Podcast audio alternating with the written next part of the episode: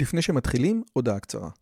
אם אתם אוהבים את הפודקאסט הזה, אתם כנראה אנשים ממש מיוחדים ומרתקים. אז אם בא לכם לפגוש עוד אנשים כמותכם, וגם אותי, וגם את רלי, אנחנו עושים מפגש עוקבים שלישי.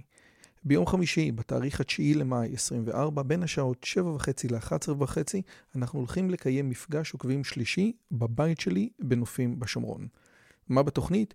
מינגלין וכיבוד עם עוד עוקבים מרתקים כמוכם, הרצאה שלי, דיון לגבי הערוץ, ציור בסטודיו ובסוף קומזיץ ופיתות על הסאג'. הרשמה מראש היא חובה וניתן לעשות את זה בקישור שבתיאור הערוץ או לחפש את הלינק ביוטיוב. נשמח מאוד מאוד לראות אתכם. ועכשיו, לשיחה.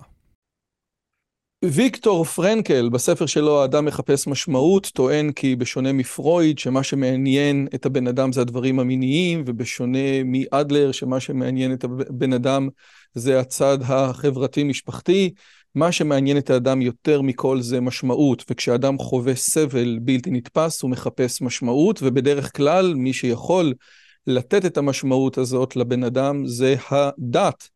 והשאלה היא, האם אנחנו יודעים מה המשמעות של הסבל שלנו? האם יש תוכנית אלוקית שמסתתרת מאחורי כל הדברים הללו? ואם יש, מה היא? ומי אחראי לספר לנו מהי? כדי לדבר על הדברים האלה הבאתי את הרב שרקי, הרב אורי שרקי הוא רב קהילה בירושלים ומחבר, מחברם של הרבה מאוד ספרים בנושאי דת ואמונה ויושב ראש ברית עולם שזה להביא את המסר האוניברסלי ליהדות ובנוסף ואולי זה כן קשור ואולי זה לא קשור הוא גם אב שכול לשלום אה, אה, ל... שלום, רגע, איך קראו לו? שכחתי. כן, שלום. שלום, שלום כן. או, כן, זה, זה רציתי את השם השני, כן. שנרצח בפיגוע דריסה כשניסה להגן על בת זוגתו. אה, אז קודם כל, בוקר טוב, מה שלומך? בוקר טוב ומבורך, אה, שלומי כשלום כל עם ישראל, מקווים לישועות. נראה, העובדה שנתתי גם את הקונטקסט האישי, יש בזה משהו מעבר לרכילות, או ש... או תראה, שלא? תראה, אני אגיד לך משהו. הרבה פעמים אנשים אומרים, שואלים אותי או שואלים אנשים שעברו אסונות, אה, האם זה לא פגם באמונה שלך, בעולם הערכים שלך וכדומה, ואני תמיד תמה על עצם השאלה. הרי ברור שאנשים מסדרים את עולם האמונות שלהם מתוך ידיעה, לפחות אני מניח, מתוך ידיעה של מה שקורה בעולם. זאת אומרת, גם לפני האסון האישי שלי, ידעתי שיש אנשים שנרצחים בפיגועים, ולכן זה שזה קרה לי אישית לא אמור להעלות או להוריד בנושא הזה. אלא אם כן באמת מדובר באנשים ששום מחשבה אה, רציונלית לא עוברת להם בראש, למשל הרבה פעמים פגשתי אנשים שאמרו לי אני התחלתי לחזור בתשובה אחרי שאבא שלי מת והשאלה שלי, בכי לא ידעת שהוא ימות פעם? זאת אומרת, מה, מה, למה חיכית לרגע הזה? אז אה, לכן הייתי אומר שהקונטקסט הוא לא רכילותי, הוא אפילו יכול להיות מעניין, אולי מזה אנשים יכולים לקבל עדות לכך שמאורעות אישיים אינם אה, מעלים או מורידים בענייני האמונה, כך שאני חושב שזה טוב שדיברת על זה. אז אני רוצה אולי לגעת ב, ב, בנקודה הזאת, בעוונותיי אני קוסם, כן? ואחד הדברים שמדברים בעולם הקסמים זה שיש ידיעה ויש ידיעה. זאת אומרת, יש ידיעה שבראש ויש ידיעה שבלב, כן? והנקודה המרכזית היא שאם אני, אני לא יודע מה, אם אני עכשיו אשים מטבע ביד והוא יעשה אברה קדברה והוא ייעלם, זה יהיה משהו אחר, אבל אם אתה לרגע לא תסתכל, ואז אני אגיד לך, תקשיב, אני לא פתחתי את היד וזרקתי אותו, ואני נשבע בספר תורה, גם אם אני אפתח את היד ואתה מאמין לי, אתה לא באמת תהיה מופתע. זאת אומרת, כאשר אנשים חווים משהו ברמה האישית אמוציונלית, זה בוודאי משנה משהו. ואם, ואם זה לא משנה משהו, זה כמעט ברמת הרובוט, כן? כמעט ברמת הבן אדם, ש... ש קשה לי למצוא בן אדם שאירועים מטלטלים לא משנים אותו. אפילו, אתה יודע, אם, אני, אם אנחנו עוסקים ברפרנסים, כן? אפילו אה, אה, האדמו"ר מפי, מפיאסצנה, כן? שבהתחלה של הדרושים שלו בגטו ורשה אומר, כבר היו צרות, מה אתם לא חושבים שהיו צרות? ובאיזשהו שלב של הצרות אומר, תקשיב, לא ראינו... יש איזשהו שינוי תודעתי בגלל דברים שאנחנו חווים. אתה, אתה מוכן לקבל את זה? בהחלט. זה לא בתחום האמונות, כי אם בתחום שינוי של האישיות, כלומר הייסורים ממרקים כל גופו של אדם, כלומר כל עצמותו של האדם, ובוודאי שגם אצלי, אה, הייתי אומר שגם אה, אחרי המאורעות האישיים שלי, אה, אפשר לומר שההדרגה, ההיררכיה בין מה שחשוב ומה שלא חשוב, אה, התחדדה יותר. כלומר, ברור לנו כאשר אנחנו נפגשים גם עם, ה, אה, עם המוות, עם זה שהכל בר חלוף, אנחנו באמת מודעים לכך יותר שיש דברים מאוד מרכזיים בהוויה שלנו, דברים שהם יותר שוליים, אני חושב שזה אה, מובן מאליו, עכשיו גם האדמו"ר מפיסצנה כשהוא ראה את מה שקרה, ברור שהוא הבין שהוא נמצא מול מאורע חריג ביותר בתולדות עם ישראל והעולם בכלל.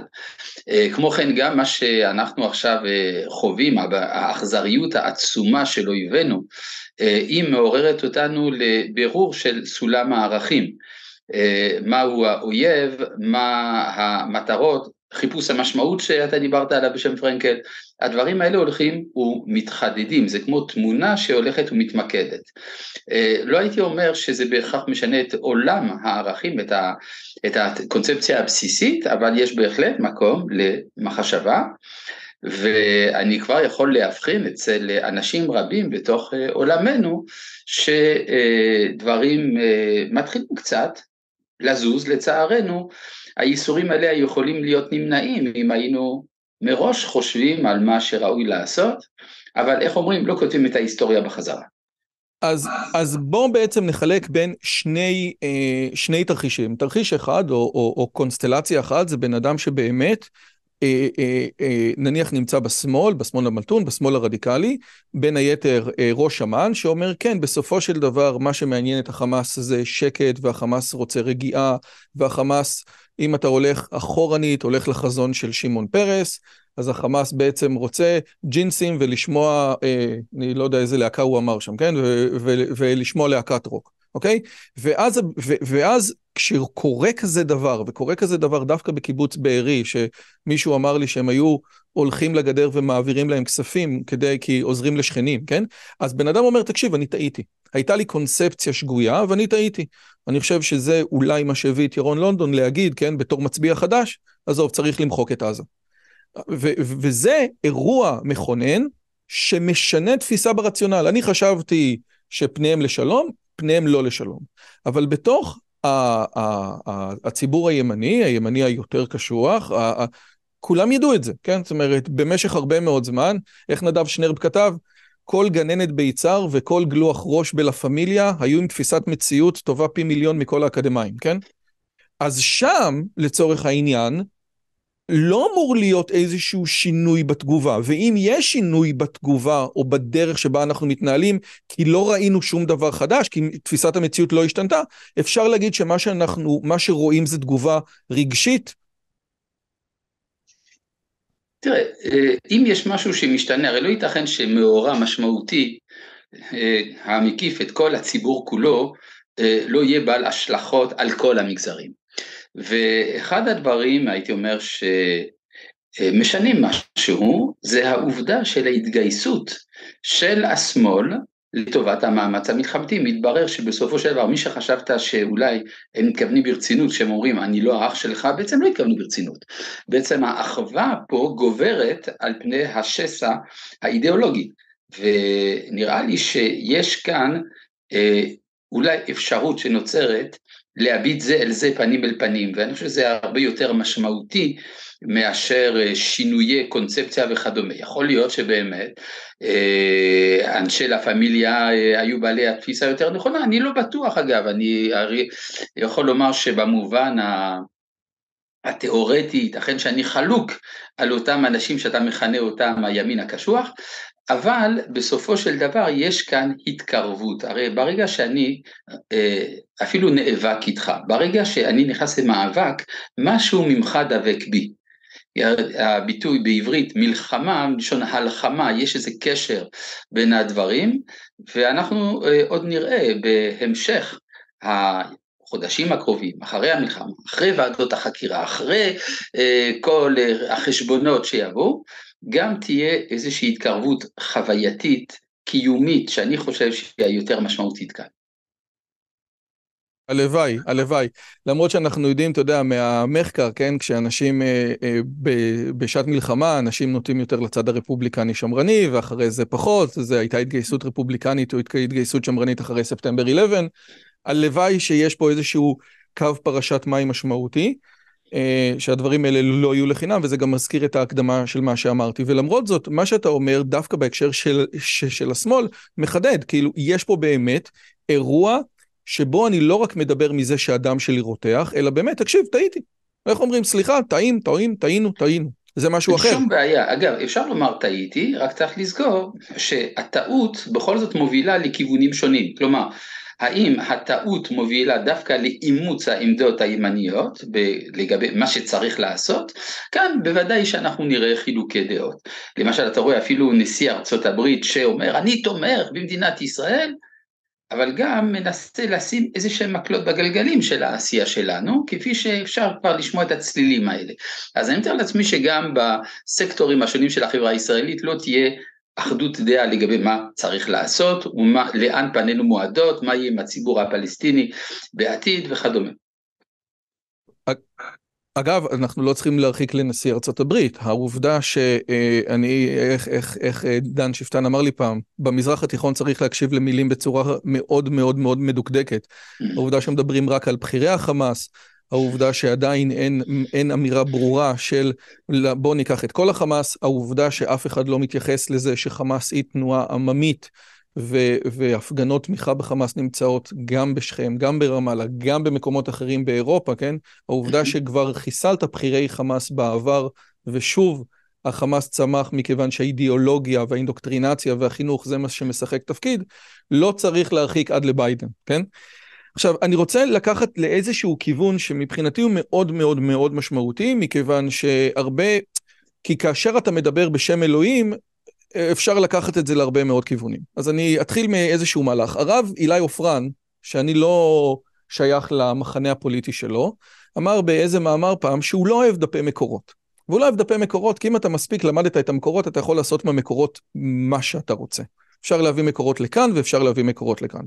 גם בהקשר הזה של ציטוטים, מי שיודע מספיק ציטוטים, אתה יודע, אפשר להביא את הציטוט המפורסם של אדמונד ברג, שכדי שהרוע יתפשט בעולם צריך שמספיק אנשים טובים לא יעשו שום דבר, ואפשר להביא את הציטוט של ניטשה, שאגב, אתה דיברת על מלחמה ומלחם, על מאבק, ושאתה חלק, שכאשר אתה נלחם במפלצת, תיזהר שלא להיות מפלצת, אוקיי? אז הציטוטים בסופו של דבר לא מעלים ולא מורידים. אחת הטענות של, אה, וגם דיברנו על זה לפני, אה, מיכאל אברהם לפני יומיים כותב איזשהו פוסט על ערך הנקמה, ובו הוא בעצם אומר את הדברים הבאים. אני רק אקח איזשהו משפט אחד ונראה אם אנחנו יכולים, אם, אם אנחנו מסכימים עליו, כן? הרעיון הזה שבסופו של דבר, מאמרי חז"ל ופסוקים מהתלמוד יכולים להוכיח כל דבר, אוקיי? בין, הייתי יכול להביא מאמרי חז"ל, אבל בעיניי אין לזה שום חשיבות ושום משמעות. בין כה וכה, כל אחד לוקח את המקורות האלה ועושה בהם מה שירצה. בסופו של דבר, כל אחד מאיתנו לש את המקורות ומגיע בסוף למסקנה הצפויה שבה הוא חפץ מראש. ואם אני רוצה, או אם אני ארצה לתת דוגמה, אני יכול לתת את הדוגמה שכבר רצה בוואטסאפ, שהקיבוצים ששמרו שבת והדלת שלהם הייתה נעולה, השער היה נעול, הם ניצלו. ומהצד השני, אם, אם אחינו החרדים לא תפסו שמדובר במלחמת מצווה כפשוטו, אז כבר שום דבר לא ישכנע. אתה מבין, לפני, לפני שאני שואל אם אתה מסכים, אתה מבין את התפיסה הזאת שבסופו של דבר המקורות רק עוזרים לך לבסס את העמדה שהיית כבר בקודם? תראה, אני יכול בהחלט להבין שבתוך עמדות שונות בתוך המרחב, נגיד התורני, אז יש מה שנקרא שורש נשמה. שורש נשמה גורם להיות רגיש יותר למקור זה או למקור אחר. יחד עם זאת, הרי אי אפשר לומר שכל הספרות, גם של תורה שבכתב, גם תורה שבעל פה, נכתבה לשווא. בעצם זה בא לומר שהיהדות אינה אלא סוג של פילוסופיה, אין כאן, אה, אין כאן בעצם מסורת, אין כאן התגלות, יש בעצם אה, עמדה אישית. אז בשביל עמדות אישיות אני לא זקוק בעצם לשום ספרות, אני לא זקוק לא לספרות של קודש ולא לספרות של חול. עכשיו, ברור הספרות התורנית איננה מתחילה מהספרים, היא מתחילה משימוש תלמידי חכמים ומהתחברות אל מסורת. כשאנחנו שומעים עמדה שאומרת שבעצם כל הספרייה שלנו מיותרת, אפשר לומר גם שזו אה, עמדה האומרת שגם מסורת הדורות מיותרת. ובסופו של דבר, מכאן מילימטר אחד ועד שלילת ההתגלות ועולם בסופו של דבר אתאיסטי. כי הרי מיהו אותו אלוהים שאין לו מה לומר לי? הוא קיים או לא קיים, בעצם זה לא מעלה ולא מוריד. אז קודם כל, א', שוב, אני מבין מה שאתה אומר, אבל גם עמדות אישיות בסופו של דבר מתבססות על ספרות ענפה, אבל אתה אומר היה אפשר לקרוא לזה פילוסופיה. מה, ש, מה שאותי מעניין זה כזה דבר, בדרך כלל יש את החלוקה בין ההלכה ובין המדרש, מקובלה, ניקח, אני תמיד מצטט. שהרב שרקי אומר שרב קהילה צריך לדעת אה, חמישה דברים, כן? אה, מה, איך להוריד את, איך אתה לוקח את הפלטה וזה, נכון? אז, אז בואו, זאת אומרת, בסופו של דבר רוב השאלות שרב קהילה נשאל זה לא בדיני אה, אה, אה, עגונות ולא בדיני חליצה, אלא איך אני מחזיר את הרוטב, או איך אני עושה כלי שני לפי הספרדים, כן? ו, ו, וגם בשביל זה יש לנו את השו"ת אס.אם.אס. הטענה היא לא רק, הטענה היא שבעולם המדרש כל אחד כבר החליט ואז הוא מביא את הרעיונות שלו, אבל, אבל אני רוצה על זה לשים קומה נוספת, שגם בעולם ההלכה, הרי מלחמת מצווה זה חלק מהלכות רמב"ם, גם בעולם ההלכה אתה תיקח ותשחק עם זה לפי איך שאתה רוצה. זאת אומרת, ואם אנשים דתיים מאוד שנמצאים בתוך מרחב תורני, כפי שאתה אומר, כפי שאתה אומר, כן? קשה להגיד על ה... על, על, על אחינו החרדים שהם לא נמצאים במרחב תורני. אם הם ב... אז, אז, אז אתה מסכים איתם על כלי שני ועל כל מיני, על הלכות יורה יורה ועל הלכות תערובות, אבל על דברים משמעותיים אתה לא מסכים. ואם אתה לא מסכים איתם על דברים משמעותיים, אז מי צודק? זה דעתך מול דעתו. לא, לא, פשוט מאוד. אחינו החרדים אינם נמצאים במרחב התורני הלגיטימי ברגע שהיסוד מוטעה. והיסוד המוטעה הוא שהם סבורים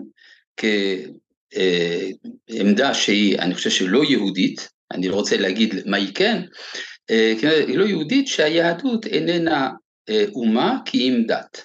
ברגע שאתה הופך את היהדות לדת בלבד ולא ליסוד לאומי, ממילא נגזרים מזה כל, מזה כל העמדות שאתה שומע מהם.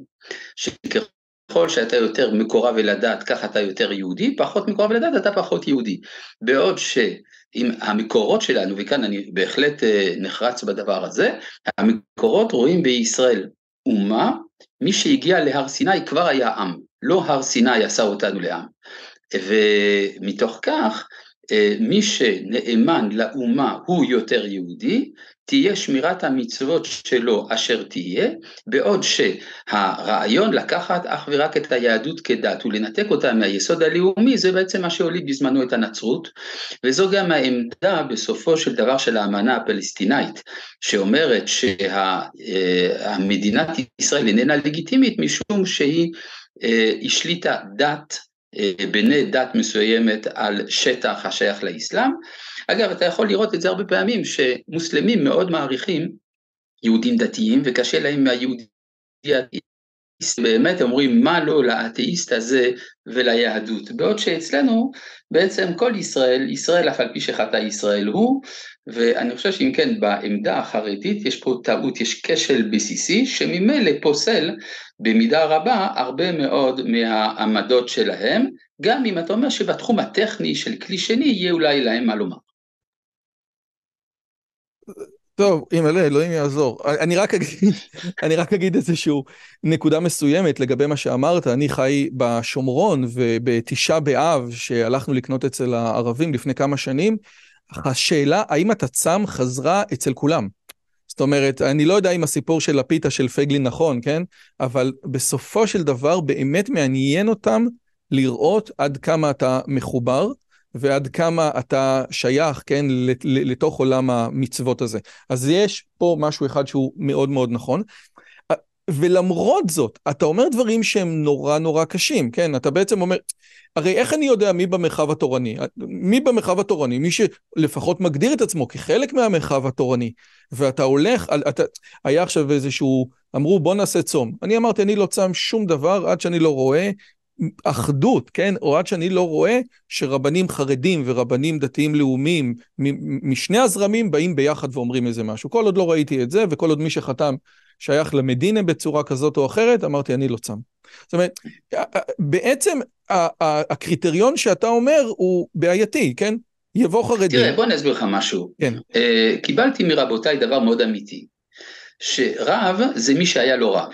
מי שלא שימש תלמידי חכמים, התלמוד אומר, עם כל הידיעות שיכול להיות שיש לו, הוא עדיין עם הארץ. זה דברים מפורשים במסכת ברכות. עכשיו, בתחום של uh, הבנת הציונות והיסוד הלאומי של היהדות, הרבנים החרדים בעצמם אומרים שאין להם מסורת בדבר הזה, ובסופו של דבר הם בונים על סברות. אני חושב שהזרם היחיד שאפשר להתייחס אליו ברצינות בתחום הזה, בעולם החרדי, זה דווקא חסידות סאטמר, ששוללת את עצם רעיון המדינה, לא משנה אם המדינה הזאת היא דתית או לא, ולכן הביקורת של הרבים מסאטמר הייתה כלפי החרדים המשתתפים בבחירות בכנסת. כן, שהדבר הזה מבחינתו הוא תועבה. ואני חושב שבמובן הזה הרבי מסטמר הוא נמצא במישור אחד יחד עם משנתו של הרב קוק. שניהם רואים בעשייה המדינית מאורע משמעותי או לטוב או לרע, אבל מבינים שבעצם היסוד המשיחי הוא יסוד לאומי, שלא כמו בתפיסה החרדית המצויה בישראל, שאתה יכול למצוא אותה בהנהגה הליטאית הרבה פעמים, שרואה אה, במדינה מאורע חסר משמעות מבחינה תורנית. שיה אה, רוזנמן שעוזר לי לפעמים בערוץ אמר ככה מצטט תמיד את מניטו שאומר שהחילונים לקחו מהנצרות את התרבות והחרדים לקחו מה, מהנוצרים את הדת כן זאת אומרת, ואני חושב שבהקשר הזה, אז קודם כל הציטוט נכון, או שאני ציטטתי נכון משעיה? אה, לא מדויק. מניטו? אה, הרב אשכנזי היה רגיל לומר, ש... מניטו, כן. מניטו היה רגיל לומר שהחברה החילונית בישראל מושפעת מן התרבות המערבית, ואילו הדתיים בישראל מושפעים מן הדת המערבית. זה הביטוי המדויק. Oh. ו- ומה שמוביל אותנו באמת לנקודה הזאת של הדת המערבית, הדת המערבית היא הדת הנוצרית בסופו של דבר, אל מול זה שהיהדות היא לא דת. אחד הספרים שאני, אז בואו נתחיל, אחד הספרים המעניינים ביותר שיצא לי ללמוד וללמד לפני כמה שנים, נקרא מוסר יהודי מול מוסר נוצרי, שכתב חכם איטלקי, כן? או... הרב אליהו בן המוזג. כן, הרב אליהו בן המוזג, והספר הזה אה, מתחיל משאלת פרס, כן? האם תרמה, במה תרמה היהדות למוסר? הרי הנצרות, אם יש לה איזשהו קייס, כן? כלפי היהדות, זה שהמוסר הנוצרי נעלה יותר. והרב אליהו בן המוזג יוצא למלחמת חורמה או למלחמת הסברה יוצא דופן בסוף המאה ה-19, ובעצם מנסה להסביר רעיון מעניין מאוד, שבעוד שהנצרות הפרידה בין, המוצר, בין המוסר הפרטי ובין המדינה, כאשר המדינה לא מחויבת למוסר, את אשר לאלוהים תנו לאלוהים ואת אשר לקיסר תנו לקיסר, היהדות התעסקה בשתי קומות נפרדות, המוסר הפרטי והמוסר המדיני, ואינו דומה המוסר של המדינה כמו המוסר של האדם הפרטי. ולכן הנצרות שופטת את היהדות במוסר המדיני שלה בעיניים של מוסר פרטי, והדבר הזה זה משפט לא הוגן. עד כאן, אה, אה, אה, סיכמתי אותו בסדר, או שאתה רוצה... אני חושב שאמרת את הדברים בצורה מדויקת ביותר, כן. יפה, ומכיוון שכך, ומכיוון שכך, אנחנו שחיים בתוך עולם שאין בו מוסר מדיני, כן, מבחינתנו המדינה זה פשוט הרבה מאוד אנשים, ואם המדינה צריכה לשטח את בית החולים שיפא, זה בסופו של דבר טייס, שזה זה, זה, זה מישהו בחיל אוויר שצריך לשים פצצה, וטייס פרטי שצריך להוריד את הפצצה על בית החולים שפע, כן? והטייס מהרגע שהוא לובש מדים, הוא לא הופך להיות כהן גדול, כן? אפילו אפילו ב, ב, ב, ב, בעולם היהודי כבר אה, אה, התפכחו מהרעיון הזה. אז איך ניתן, לצורך העניין, בתרבות שהיא כל כך כל כך ספוגה בנצרות, כן? אני כבר לא מדבר על מה שדיסני עשה לנו, כן? אבל תרבות שהיא כל כך ספוגה בנצרות, להסביר את הרעיון הזה שיש הבדל בין המדינה ובין הפרט. תראה, הנצרות כשלה. כלומר, אם אתה תיקח למשל אה, אה, מורה שמלווה כיתה מא' ועד י"ב, והמסיבת הסיום של כיתה י"ב זה קרב סכינים בין התלמידים, אז תשאל את המורה מה זה צריך להיות, אז הוא יגיד אני אמרתי רק דברים טובים. כן, אבל אם כאשר אתה אומר רק דברים טובים, זאת התוצאה, אז כנראה שיש איזה בעיה, יש איזשהו כשל בסיסי מהאופן שבו אתה חינכת, ואפשר לומר שמלחמת העולם הראשונה והשנייה והשואה, כל אלה הם די תעודת כישלון לתרבות המערבית, שלמרות כל האמירותיה החסודות לא הצליחה למנוע את הדבר. אז כך שבמובן הזה אנחנו צריכים להיות פקוחי עיניים, ואני חושב שחלק גדול מהמשבר, המשבר הזהות והתהייה של העולם המודרני היא באמת קשורה להרגשה של הכישלון המוסרי. וברור שיש היום אה, נשיאת עיניים של העולם כולו, במיוחד של העולם המערבי, להתנהגות של מדינת ישראל. יש איזושהי ציפייה סמויה שאולי איזשהו מסר ערכי יצא ממדינת ישראל, למרות הניסיונות אה, אה, לנסות להכליל אותנו בעל כורחנו בנוסחאות מערביות נוצריות, אבל בסופו של דבר מבינים שכאן מתרחש משהו חדש, והמשהו החדש הזה, עלינו לברר אותו לעצמנו קודם כל, מהו עולם הערכים שלנו. הרי אני זוכר במלחמת לבנון השנייה היה קצין שאמר בטלוויזיה, אנחנו צריכים לשלב בין דרישות המוסר לבין דרישות הביטחון, שזאת אמירה מאוד אה, בעייתית מבחינה מוסרית, כי אתה אומר בעצם כאשר אני דואג לקיומי, אני בעצם רע. אני צריך בעצם לעשות קצת טוב, קצת רע. במקום לראות את הדברים בראייה כוללת. הרי הקדוש ברוך הוא הוא אלוהי הפרט ואלוהי הכלל, עד כמה שאני זוכר הוא ברא את כולם. ולכן אי אפשר לבנות מערכת מוסרית שמעדיפה ערך אחד על פני כל הערכים. מניטו היה רגיל לומר באמת שהמוסר של היהדות זה אחדות הערכים. אנחנו צריכים לחתור אל נוסחאות שכוללות גם את זה וגם את זה. אה, כשאתה רואה את אה, מה שקורה לנו כעת, ברור לכולם שאנחנו לא רק במלחמת הגנה, אנחנו לא רק במלחמת הישרדות, אנחנו במלחמה ערכית, מלחמת הטוב ברע, בזה אנחנו יכולים להיות בהחלט תלמידים של ווינסטון צ'רצ'יל, שכאשר הוא החליט שהוא לא נכנע לתכתיבים של גרמניה הנאצית, אמר, אני אמשיך את המלחמה כי אלוהים לא ייתן לרוע להשתלט על העולם. ואני חושב שגם פה אנחנו בעמדה כזאת, אה, יש לעם ישראל איזשהו תפקיד אה, ערכי מוסרי, ואם אנחנו לא אה, משתדלים לקיים את הייעוד הזה, אנחנו בעצם חוטאים כלפי התרבות האנושית כולה, שמצפה מאיתנו למסר, להדרכה, לכיוון ולמיגור הרוע.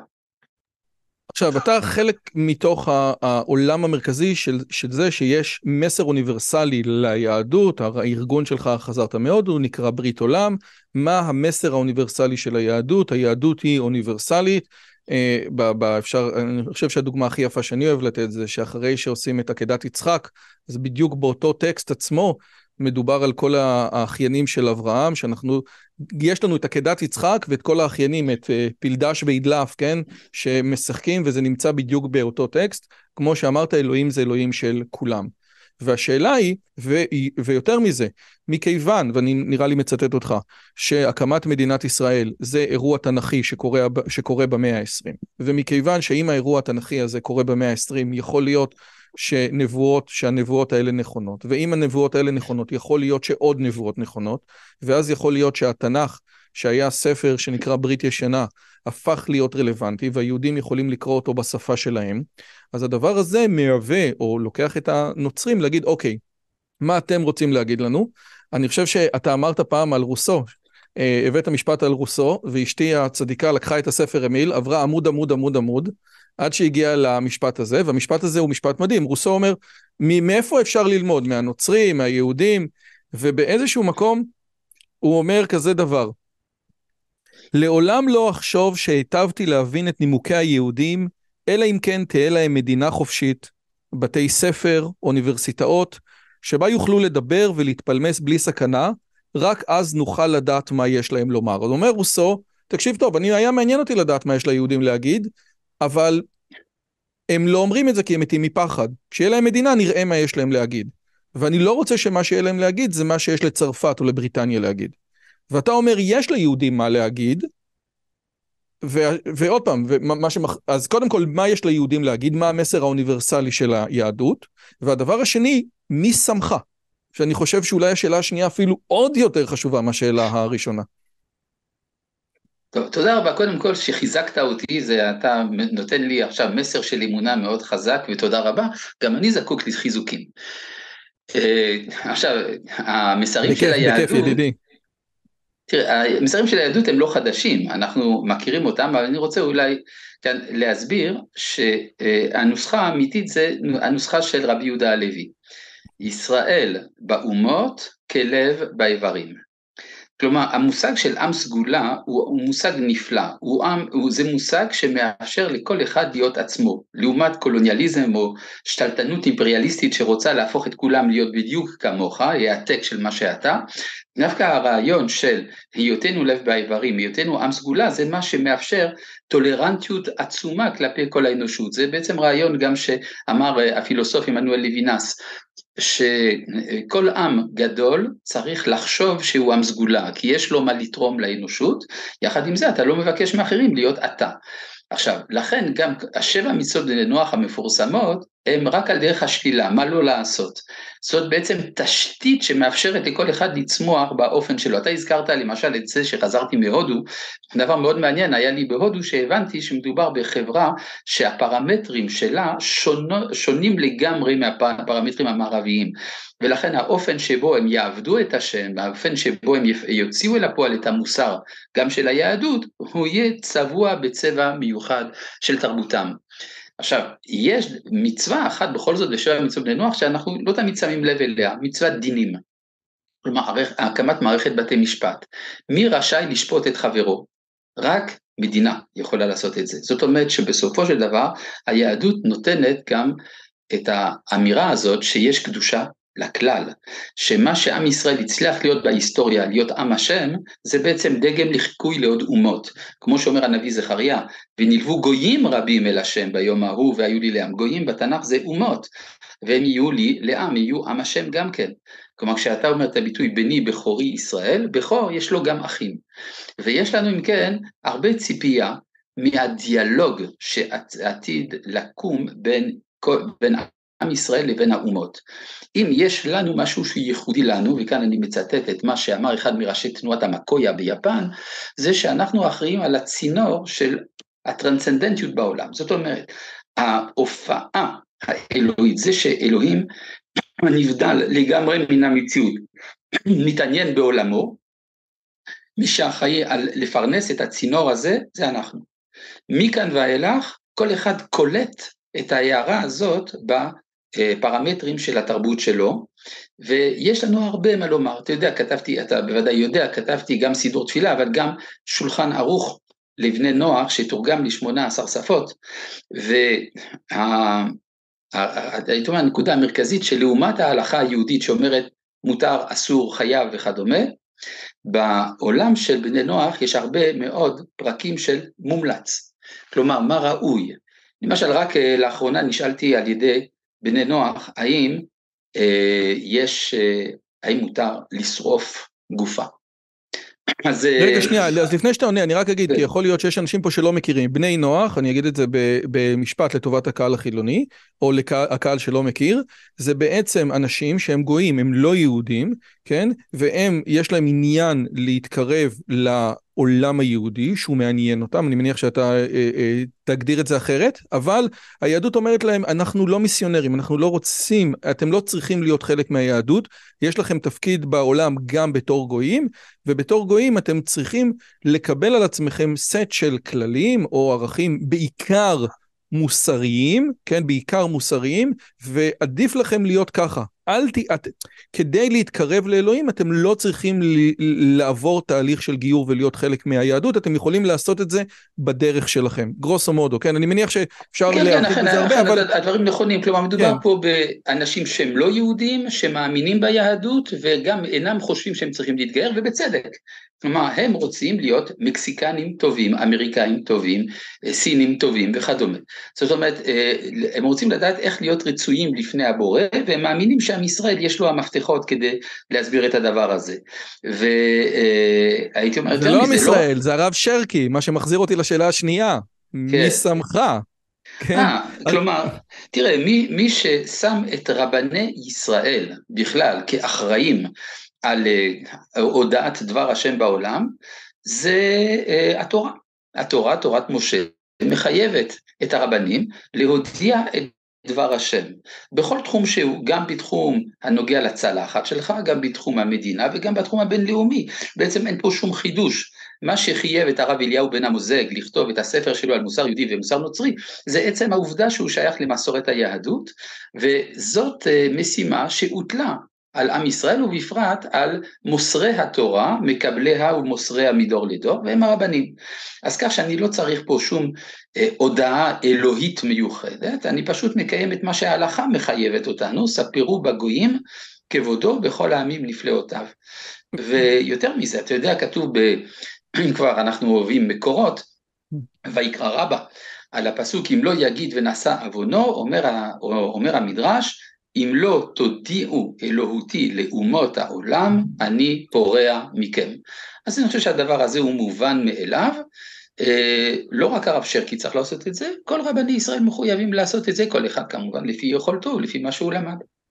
אבל, ואם ברגע זה אני אגיד לך, תקשיב, אני, אני עדיין קשה לי להשתכנע, כי הרב בן המוזג, ואחרי זה הרב מניטור, וסך כל רבני אלג'יריה, צרפת, כן, ואתה, כן, יש להם איזשהו קו שהוא מאוד מאוד ייחודי, גם דיברנו על זה בפעם הקודמת, אנחנו לא שומעים את הקו הזה במקומות אחרים, ולעומת, ושאתה מביא את הכוזרי, אני בשנים האחרונות משקיע הרבה זמן ברמב"ם ובמורה נבוכים, אתה רואה תמונה שהיא שונה, זאת אומרת, האם אין, זה באמת נכון, זה באמת נכון שיש אה, אה, אה, אה, אה, שהתנ"ך מתייחס, כן, או התורה מתייחסת גם לנושאים של אומות העולם, כן, אה, והביותים, כן, וביתי בית תפילה יקרא לכל העמים, כן, זאת אומרת, עד כמה שיש לנבואות משמעות, בוודאי שהביתי בית תפילה יקרא לכל העמים, יש בזה משהו. רק השאלה היא, מה אתה מכניס לתוך העולמות האלה? אני אתן דוגמה, לפני כמה... שבועות ניהלתי פה שיחה עם דוד אנוך, שהוא פרופסור למוסר, ודיבר על ההצדקה של מוסר חילוני אתאיסטי, אם יש דבר כזה ומה ההצדקה שלו. ובסופו של דבר אמרתי לו, נו, שוי, תביא לי כללים, כן? אז, ואז, אז הכללים הם כל כך אמורפיים, אתה יודע, אנחנו מסכימים על הכללים, אבל או אלוהים או השטן, תלוי איך אתה רוצה לקרוא לזה, נמצא בפרטים הקטנים, כן? ועושה רושם שדווקא בפרטים הקטנים של מה יש בצלחת, אנחנו גרוסו מודו מסכימים, וגם זה אלוהים יעזור מה קורה בסוגיית הכשרות, אבל על פרטים שהם, אתה יודע, כמו שהרמב"ם יגיד, חוכמת התורה על האמת, כן? שזה באמת הדבר המשמעותי, שלא תהיה אה, אה, חילוני לומד תורה, יש חוסר הסכמה שהוא מהותי, כן? זאת אומרת, איפה עובר הקו בין מה שהרב שרקי אומר לגבי המסר של היהדות, ובין זה שאני שומע בוואטסאפ שבן אדם אומר, תראו מה הכוח של שמירת שבת, שבסעד לא קרה כלום. עכשיו, אני, יכול להיות שלך הוא מובן, אבל אתה מבין שמבחוץ או מקצת רחוק, זה נשמע קצת דומה לא, ממש לא. בואו נחזור אל הצלחת. עוגיות פפושדו נחשבות על ידי הרב מרדכי אליהו. חמץ גמור. חמץ גמור חייב כרת, ואילו לפי הרב עובדיה יוסף זה כשר למהדרין. אז כך שבעצם גם בצלחת אתה יכול למצוא עמדות שונות. אגב, גם בתחום של המוסר החילוני וגם בתחום של תורת המשפט, משפטן אחד יאמר לך א', והשני יגיד בדיוק הפוך, על יפי, אותם יסודות משפטיים ועל פי אותם תקדימים. אז כך שזה שיש ריבוי דעות, זה לא אומר שאין הכרעה. הרי מפורסם אותו משפט האומר אלו ואלו דברי אלוהים חיים, אבל יש גם המשך למשפט הזה, והלכה כבית הלל. אז ברור שהלכה כבית הלל לא נאמר מתוך התעלמות מדברי בית שמאי. אנחנו שומעים בדברי בית שמאי, שומעים דברי בית הלל, בסוף יש הכרעה. אז אה, כמו כן גם, מה שאתה שמעת על מה שקרה בקיבוץ רעים, זה הייתי אומר, הייתי תורם את זה לסל של השיקולים של הדיון שממנו צריכה לצאת בסוף הוראה לישראל וגם לאומות. אז כך שאני לא חושב שיש פה הבדל באופן מהותי, יש מה לומר. אגב, כל המקורות העסוקים בנושא של בני נוח אינם של אלג'יריה צרפת, אלא הם נמצאים גם, עד כמה שאני זוכר, גם ברמב"ם, הרמב"ם הוא זה שכתב את הלכות בני נוח בהלכות מלכים, וגם הדיונים על דיני מלחמה נמצאים אצל רבנים ליטאיים, הנציב מוולוז'ין והדבר אברהם וכדומה, כך שאם אני אביא לך עכשיו את רשימת כל הכתבים שנכתבו בדבר הזה, אתה תראה כמות עצומה של רבנים אשכנזים. למשל הרב יואל שוורץ זיכרונו לברכה שהיה מראשי ישיבת דבר ירושלים התעסק שנים רבות בנושא של בני נוח לפני שאני עסקתי וכתב על זה ספרים. הייתי בקשר איתו כך שאני חושב שהרעיון הזה לראות את זה את ההתעסקות האוניברסלית כממד מסוים של בית המדרש היהודי אני חושב שיש בזה חטא גדול לאמת. אה, בסופו של דבר גם הגזעניים שבתוכנו אכפת להם מגורל האנושות, וגם הליברלים שבתוכנו אכפת להם מעם ישראל. אותו דבר כמו להגיד שלהתעלם מהעובדה שמדובר פה במלחמת מצווה, זאת אומרת, אני, יש פה באמת כמה דיבורים לגבי זה של התגייסות חרדית, בין אם, בין, בין אם בזק"א, בדברים אה, אה, מדהימים, ובין אם בתפירת ציציות, אבל בסופו של דבר, הצד ההלכתי, והסתכלתי ככה על, על הלכות, הלכות מלחמה, עושה רושם ש, שיש פה איזשהו, אני רוצה להגיד קרע, אבל איזשהו תהום משמעותית בדרך שבה אנחנו תופסים את המציאות, נכון? זאת אומרת, אם זה לא. לא מלחמת מצווה, אז, אז, אז קשה לי לראות מה זה מלחמת מצווה. כן, ברור. אלא שיאמרו לך שמלחמת מצווה דורשת גם שיהיה נביא ואורים ותומים למשל, יש כאלה שטוענים כך, ואז יוצא שאין שום מלחמה שהיא מלחמת מצווה בימינו, יש כאלה שיגידו לך, אני חושב שזה תירוץ קצת אה, מאוחר, שלימוד התורה שלנו הוא זה שעוזר לחיילים לנצח בקרב וכדומה מהדברים האלה. ברור, אה, אני חושב שהדברים לא נתבררו לעומקם, בגלל שיש הרבה גם יש אומר פוליטיקה חברתית שמתערבת בשיקולים מה מותר לומר, מה אסור לומר וכדומה. לכן אנחנו צריכים אה, להיות עם נשימה יותר ארוכה ולבנות בתי מדרש שבהם נוכל לדבר בינינו בלא פחד, אם לעשות פרפרזה, פרפרזה של דברי רוסו. או, יפה מאוד. אז אה, בואו נגיע לתכלס, כן? מה היה צריך לעשות או מה צריך לעשות לפי דעתך, ואני אתן עוד ככה מספר שאני מאוד אוהב, ויצא לי ללמד אותו כריכה לכריכה, על שמונה פרקים לרמב"ם, אורי שרקי. וואו. הנה, יש, לי, יש לי אפילו פה קלף, כי אמרתי לך שאני קוסם. עכשיו, איך אומרים? אתה, אתה צריך להתווכח עם עצמך, מה שנקרא. דבר. אה, עמוד י"ז למניינם. קיים פיתוי דתי לחשוב שבקיום המצוות האדם יוצא ידי חובת המוסר.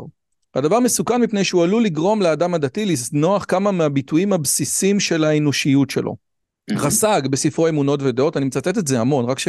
רק שתהיה בעניין, כותב שפעם טען בפניו אדם, אם נביא היה מצווה אותנו לעשות דבר הסותר את השכל או את המוסר, היינו מחויבים לשמוע לו, משום שברגע שהשם ציווה על כך, הדבר הפך להיות אמיתי ומוסרי. זאת אומרת, מוסרי זה משהו שהוא ככה נקרא טאוטולוגי, כן? מוסרי זה מה שאלוהים אמר. רבנו סעדיה חלק על דבריו, וטען שאדם שיצווה לעשות מעשים הנוגדים את ההיגיון, בהקשר הזה הייתי גם מוסיף פה או את המוסר, לא יוכל להיחשב כנביא, ולכן לא נשמע לו. אותו אדם השיב שהאמת והמוסר נקבעים על פי הצו האלוהי, ואין לאדם מבוא בהם. ולכן חובה עלינו לציית לדברי הנביא. הרגשות המוסריים שעולים בך לא רלוונטיים. מה שכתוב, ככה תעשה. ורס"ג כותב, רבנו סעדיה כותב, שבאותו רגע הוא חדל לדבר עם אדם זה. סוף ציטוט. אתה עומד מאח, כאילו, אתה, אתה, אתה ציטטת מישהו אחר, זה לא... אבל... ואני מסתכל על הדבר הזה, אני מסתכל על מה שאתה אומר, ואני אומר, אוקיי, יש פה עכשיו סוגיה משמעותית שהיא פרקטית בעזה, כן? האם זה חפים מפשע, האם זה לא חפים מפשע, האם זה תומכי טרור. אני העליתי על הפוסט בחווארה, כן? אני באמת מסכים שכולם תומכי טרור. חד משמעית, כולם מהקטן ועד הגדול. אבל תומך טרור ואחד שמעלה פוסט על, איש, על פיצריה עם חטופה, זה לא אותו דבר כמו אחד שרוצח, וזה לא אחד כמו שכותב לייק בפייסבוק, ויש איזושהי היררכיה. זה הנאצים ועוזריהם, וגם ארצות הברית לא הפציצה את אושוויץ, ולמרות זאת, מה שמצופה ממנה זה לא מה שמצופה מגרמניה. ואני שואל, בתוך בן אדם, מי שקורא את הדבר הזה, ושאתה מביא אותו בתור דעה שאתה מסכים איתה, כן? שיש רגשות מוסריים אמיתיים שאלוהים שם באדם, ולפעמים הרגשות האלה אה, אה, מתנגשים עם ציוויים מסוימים, כן? ואז השאלה, מה אתה עושה ואיך אתה עושה. מה אתה אומר? אתה, מה הפרקטיקה שלך לגבי המלחמה הנוכחית בעזה? כי, כן, עזוב. רגשות לא... מוסריים זה רגשות, אנחנו מדברים על ערכים מוסריים. צריך לשים את, ה, את הגובה של המוסר במקום הנכון. בוודאי, אני אגב, אני מסכים מאוד עם מה שציטטת, אני אפילו בעד לקנות את הספר אם כבר אנחנו נעשה קידומי מכירות. יש לינק בתיאור הסרטון, האמת היא זה באמת ספר נפלא. תודה. יש הרבה מה לדבר על כיוונים מוסריים שונים. למשל, כולם מסכימים שלרצוח זה אסור, ואז השאלה היא, מתי זה נקרא רצח? למשל, המתת חסד, הפלה וכדומה. האם הדברים האלה יחשבו רצח, לא יחשבו רצח, להרוג במלחמה וכדומה. כל הדברים האלה, כלומר, כולם מסכימים מהו הערך, ואחר כך המימוש המדויק של הערך, כמו שאמרת, הפרטים שם זה כאן מקום ההסתבכות. עכשיו... שימו לב, אגב, סליחה שאני מפריע, אני משתדל שלא, אבל גם פדיון כן. שבויים, שזה סרט רע מאוד. Mm-hmm. פדיון שבויים זה דבר שיש לו ערך גדול מאוד ביהדות. עד, עד כדי כך שהמהר"ם מרוטנברג אמר, תירגעו עם זה, כן, ואינם mm-hmm. פודים את השבויים יותר מדמיהם, ויכול להיות שפדיון שבויים של אחד, בצורה פרדוקסלית, הוא חמור יותר מפדיון שבויים של 150. יכול להיות. עכשיו, אה, בואו נדבר על כך שמה שקורה היום, המערכה שקורית בעזה, היא תובעת מאיתנו הכרה מוסרית מאוד מאוד גבוהה, וצריך להבין שהמלחמה איננה, ואני כתבתי את זה גם ברשת, המלחמה איננה בית משפט. כלומר, אתה לא דן אדם בגלל שהוא פושע, אתה לא הורג את האויב בגלל שהוא פושע, או, בגלל, או לא הורג אותו בגלל שהוא חף מפשע. אנחנו לא עסוקים כאן עכשיו בחפות או לא חפות. אנחנו עסוקים עכשיו במלחמה, כאשר מדובר בקולקטיב מול קולקטיב. נכון, בדרך כלל כאשר אתה בא לדון אה, חבורה של פושעים, אתה תצטרך לראות את מידת המעורבות של, אה, של האחד לעומת השני, מה הנזק שהוא עשה או שהוא התכוון לעשות או לא התכוון לעשות, אם הוא נקלע בטעות למקום וכדומה. זה כאשר אתה מדבר במישור של הפרט. כאן אנחנו מדברים על התנגשות בין אומה לאומה, וההתנגשות בין אומה לאומה יוצרת איזושהי הכרה קולקטיבית שהיא זו שדנה את אותה חברה אה, להיפסל מלהמשיך להוות חלק מהמשוואה של היחסים בין העמים. אז זאת אומרת שבוודאי השיקולים שמנחים אותי במה שאני מפרסם בדבר עזה וההתנהגות הראויה של מדינת ישראל שם, זה מונחה משיקולים מוסריים טהורים לפי הבנתי. ולא בגלל שקראתי באיזשהו ספר שכך צריך לעשות, למרות שבוודאי גם קראתי, אבל אה, ברור שכאשר אנשים מדברים על אה, אי פגיעה מחפים בפש, מפשע, כאשר מדובר בהכרעה, בניצחון מול הרוע, הדבר הזה מהווה מבחינתי כשל מוסרי חמור, ולכן גם כתבתי מה שכתבתי כתגובה לדברים האלה. אז בואו רגע ניקח את זה, אז בואו אני רוצה לסדר את זה. בסופו של דבר, האמירה שלך, והיא אמירה מעניינת מאוד, במלחמה אין בית משפט. בבית משפט אני שואל את עצמי אם אני הורג חפים מפשע או אני מעניש חפים מפשע, אוקיי? אבל מלחמה זה משהו אחר, כן? אוקיי? אחר. המלחמה אינה יחיד, אני מצטט אותך, יש כלל, ישות קולקטיבית אחת נלחמת בישות קולקטיבית אחרת. ואז אתה אומר, יכול להיות מצב שישות קולקטיבית או אומה, היא בעצם איבדה את הזכות שלה להיות חלק מהאומות בהיסטוריה, מכיוון שההתנהלות שלה הייתה לא מוסרית, כפרפרזה ולא, כ, אה, אה, אה, ולא כתנא דמסייע. אפשר להביא את סדום, אפשר להביא את דור המבול, אפשר להביא את עמלק, שאתה אומר אפילו, עזוב, המקום הזה מושחת ורקוב עד, ה, עד היסוד. בהקשר הזה, לפי הרעיון הזה, מכיוון שלא אתה ולא אני רואים הבדל משמעותי בין מה שקורה בעזה ובין מה שקורה ביו"ש, לא ברמת התכנים, לא ברמת האינדוקטרינציה, לא ברמת ההתייחסות ליהודים כאל אויב. הדבר הזה, מה שאתה מציע לגבי עזה, היה אמור להיות תקף אחד לאחד גם ליו"ש. שוב, מתוך שיקול אה, של אומה, כן? זה אותה אומה, גרוסו מודו, אם אתה לא הולך על הטענה של דוקטור קדר. זה נכון? לא, אף אחד לא מעוניין להשמיד אה, ציבור או לבטל ישות קולקטיבית כלשהי, אבל אם אתה לא רוצה שתצטרך להגיע למסקנות לגבי יו"ש, כמו שאני הגעתי ביחס לעזה, אז אתה צריך עכשיו לפעול בקרב יהודה ושומרון פעולות שתמנענה את הצורך להיכנס למלחמה עקובה מדם. וזה מתחיל קודם כל בזה שאתה מוכן לספח שטח. כאשר אתה רואה פעולה שבה מחלקים סוכריות אחרי פיגוע, אז אתה צריך לפעול פעולה נחרצת נגד אותו המקום שבו הדברים נעשים. ותאמין לי שאם היית מגלה בחישות ברורה ביחס לכפר אחד שכאשר הוא כל כולו חוגג אחרי שנעשה בו פיגוע הכפר הזה לא היה עומד במקומו או היית מגרש את המשפחות של האנשים שעשו את הפיגוע אז לא היית צריך להיות אכזרי בכלל, היית בעצם מרחם על אוכלוסייה שלמה, כי היה ברור שאתה לא מתכוון בכלל להיכנע לטרור. אגב, יצא לי לדבר עם אה, גורמים מדיניים מהאמירויות, שמזדעזעים עמוקות מן התמיכה של, דרך הפעולה של הפלסטינאים שהיא משתמשת, שמשתמשים בטרור, והייתי אומר שההכרה המוסרית שלהם גם כן מאוד אה, מתנגדת למה שנעשה, ולכן אתה יכול עכשיו לפעול בקרב יהודה ושומרון ולעשות מה שצריך כדי שלא תצטרך להגיע להכרעות מהסוג הזה חלילה וחס. אז אה, אה, אני רוצה... אבל בעיקר צריך לקחת ברצינות את האמירות של אויבינו. אז צריכים להבין שכאשר הם מדברים על מניע דתי, אידיאולוגי, להתנהגות שלהם, לא מדובר במס שפתיים. מדובר בדבר שבאמת הם מאמינים בו, שאיננו תואם את הערכים הבסיסיים של העולם המערבי. הרעיון שחיי אדם חשובים לכל אדם, הוא איננו רעיון נכון.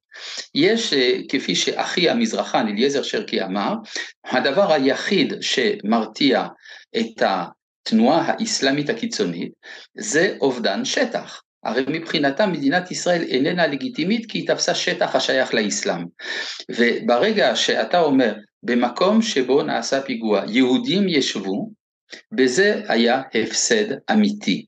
ולא לא אובדן החיים, כי הרי סתם מחבל או סתם שהיד מעוניין להיות שהיד, הוא רוצה להרוג כמה שיותר לפני שהורגים אותו, וזה דבר שאולי סותר את ההכרה המוסרית, הקיומית שלנו, אבל הוא אמת, הוא מציאות.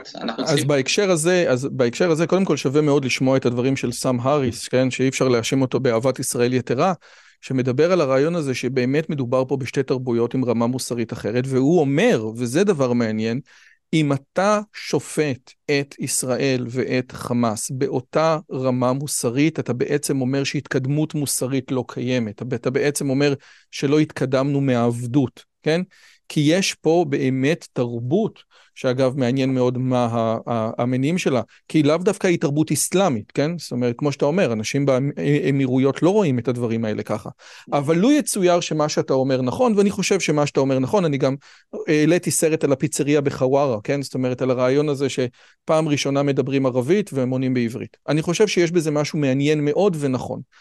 עד כמה, יש כאלה שאומרים, המטרה, הדבר המוסרי זה לא לעשות מלחמה, ואם אתה עושה מלחמה תסיים אותה כמה שמהר, וכדי לסיים אותה כמה שמהר, תגיע כמה שיותר מהר למטרות שלך.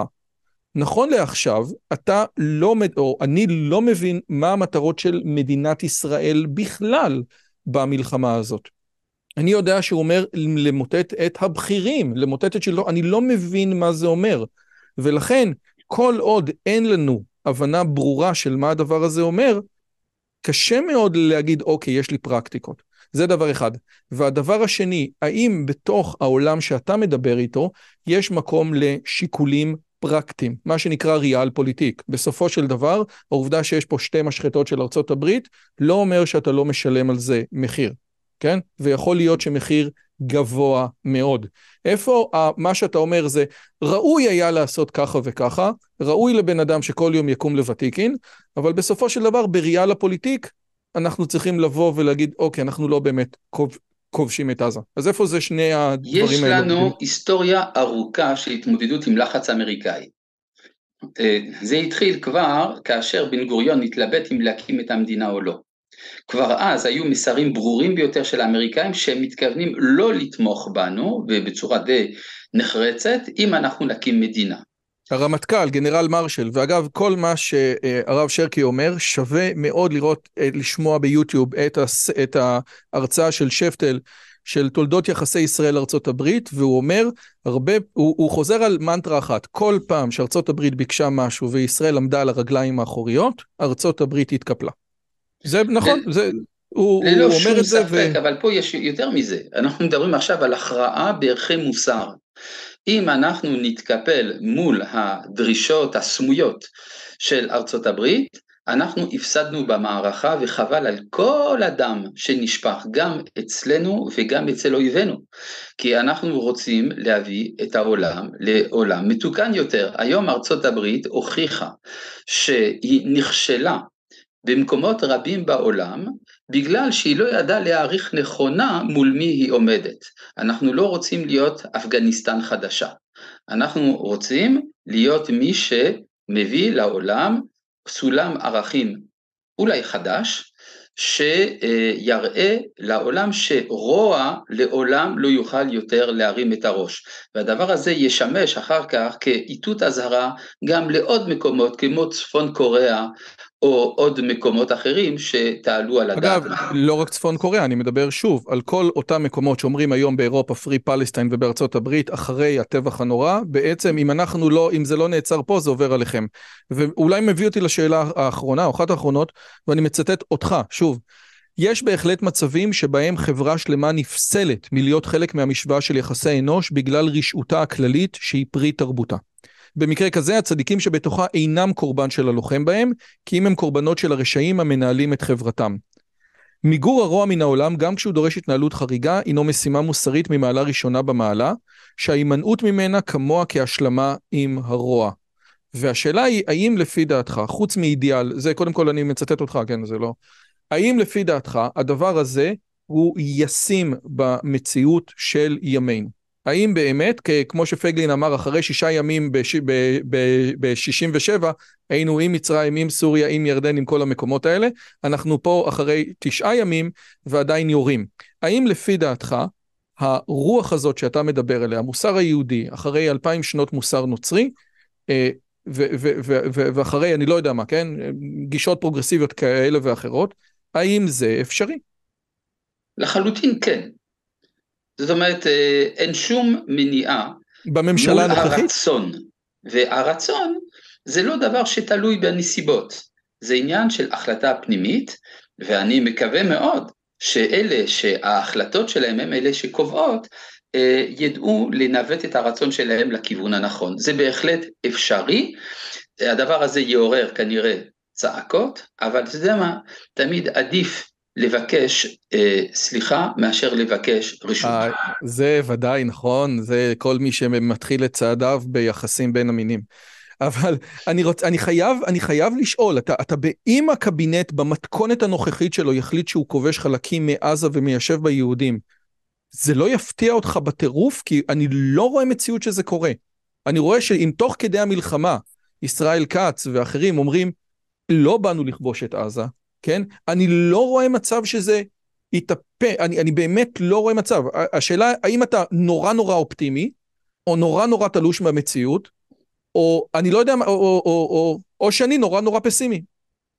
תראה, אה, פסימיות ואופטימיות זה עניין של מבט. אה, זה נכון שתמיד בתוך המלחמה יהיו כאלה שיגידו כך ויגידו כך, אני רוצה להזכיר לך שבמלחמת ששת הימים היה ויכוח בממשלת ישראל האם לכבוש את העיר העתיקה או לא. מי שהתנגד היו הדתיים. ובסופו של דבר המציאות הכריעה שכבשו. אה, למרבה הפלא, אף אחד לא רצה את זה, כן, מה נעשה עם הוותיקן הזה. עכשיו, אותו דבר לגבי כיבוש עזה, לדעתי זה בהחלט אפשרי וייתכן, ייתכן שזה ייכפה עלינו. לגבי ההתיישבות, זה יבוא אחר כך. אתה לא צריך עכשיו להחליט ליישב את חבל עזה, אתה רק צריך להחליט לכבוש, וזה בהחלט ריאלי. טוב, תוכנית אלוקית יש, חבל שבשונה מעזה לא שולחים לנו פתקים מהשמיים עם מה בדיוק מתכוונים שם, אבל הרעיון המרכזי שיש, מה היא בדיוק, איך היא בדיוק, גאולתם של ישראל הולכת ככה, הולכת, יורדת, יורדת, הולכת, הולכת, יורדת, אין אף אחד שידע. הרב שרקי, תודה רבה על הדברים הללו, ושוב, הנקודה המרכזית שלך זה שההבנות האלה הן דעתך מתוך ראייה אה, אה, אה, מוסרית ולאו דווקא מתוך אה, אה, רתיחת הדם, כן? עמדתי, כמו שאתה כותב, אינה נובעת מרתיחת הדם, כי אם משיקול מוסרי טהור, אוקיי? וזה הדבר החשוב, ונראה מה הימים יגידו. תודה רבה רבה רבה. נתחזק, תודה רבה לך. אמן. אם הגעתם עד לכאן, מגיע לכם כל הכבוד. אז תנו לי להגיד לכם שלושה דברים קצרים. הדבר הראשון, אם שמעתם משהו בשיחה שמעניין אתכם, שאתם רוצים לקחת הלאה, פשוט ספרו אותו לאנשים אחרים. משהו מעניין שאני אמרתי, משהו מעניין שהאורח שלי אמר, איזשהו רעיון שאתם רוצים לקחת איתכם לחיים, פשוט ספרו אותו לחבר או לחברה. זאת הדרך הטובה ביותר לזכור את הרעיונות מתוך השיחות האלה. הדבר השני, אם אתם רוצים לקחת חלק בקהילה שלנו ולפגוש ולדבר עם אנשים כמוכם, אתם מוזמנים לערוץ הטלגרם שלנו, שווה לכם מאוד. פשוט תראו עוד אנשים שמתעניינים מדברים מגניבים בדיוק כמוכם. והדבר האחרון, אם אתם יכולים, דרגו את הערוץ שלנו באפליקציית הפודקאסטים שלכם, זה יכול להיות בספוטיפיי, באפל פודקאסט או בגוגל פודקאסט, זה תהליך קצר של שתי שניות, הוא מאוד מאוד יעזור לנו להפיץ את הבשורה הלאה. שיהיה לכם כיף גדול וכיף בשיחה הבאה.